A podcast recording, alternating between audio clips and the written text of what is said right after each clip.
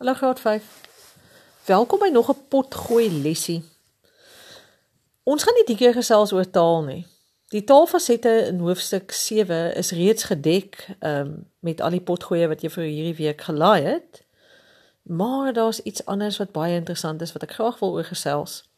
En dit is die manier waarop jy lees.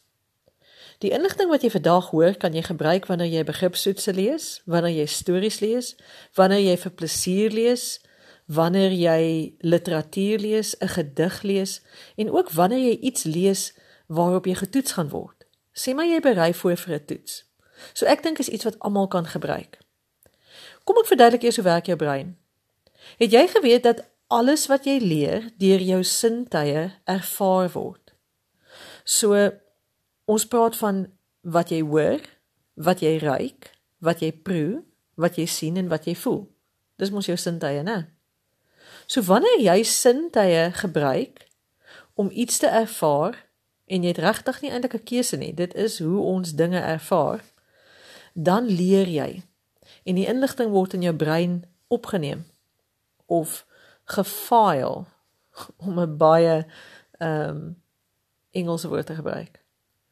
So dit maak dan sin hoe meer sintuie jy op een slag gebruik, hoe vinniger en hoe meer akkuraat word die inligting wat jy besig is om in te neem in jou brein verwerk of in orde gesit of opgeneem.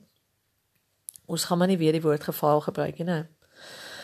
Ehm um, en dis die deel wat jy moet probeer onthou. Wanneer jy lees, moet jy probeer om soveel as moontlik van jou sintuie te gebruik sonder om jou aandag af te trek van wat jy lees. So dis nie nodig om 'n stuk koek te eet terwyl jy 'n begripstoets lees nie. Dis nie wat jy vir bedoel nie. Wat ek bedoel is jy met jou gedagtes jou ehm um, vermoë om gedagtes te vorm van wat jy lees, om kreatief daaroor te dink, gebruik om amper te maak asof jy daai sintuie gebruik en die inligting met die sintuie ervaar. So kom as jy sê jy lees iets van 'n koue dag wat die reën teen die ruit afgeloop het, dan moet jy probeer om te dink hoe dit sal voel as dit so koud is.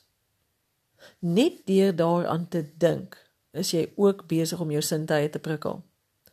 So Kyk maar gerus, daar's oulike prentjies daaroor op bladsy 63 in hoofstuk 7.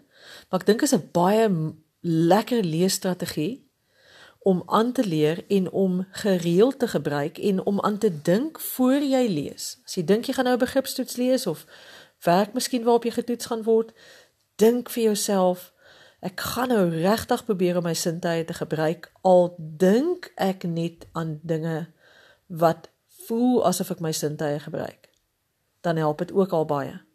En so kan jy die inligting makliker en vinniger vas lê, meer akkuraat en dan hopelik op die ou end sommer beter onthou. Ek hoop dit help jou. Ons gesels volgende keer 'n bietjie meer oor taal en ehm um, jy vir ook 'n paar video idees wat jou kan toekom. So, tot ons weer gesels.